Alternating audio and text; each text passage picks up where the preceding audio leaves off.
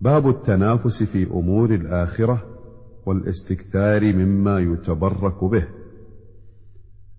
قال الله تعالى وفي ذلك فليتنافس المتنافسون المطففين.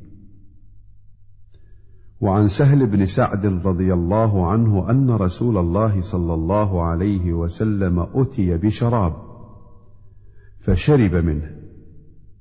وعن يمينه غلام وعن يساره الأشياخ. فقال للغلام أتأذن لي أن أعطي هؤلاء؟ فقال الغلام لا والله يا رسول الله لا أوثر بنصيبي منك أحدا. فتله رسول الله صلى الله عليه وسلم في يده متفق عليه. تله أي وضعه. وهذا الغلام هو ابن عباس رضي الله عنهما.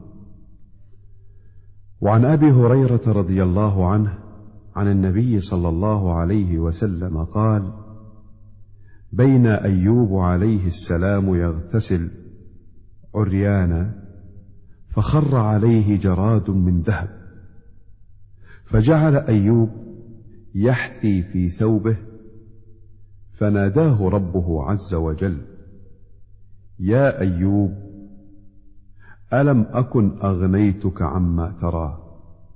قال بلى وعزتك ولكن لا غنى بي عن بركتك. رواه البخاري.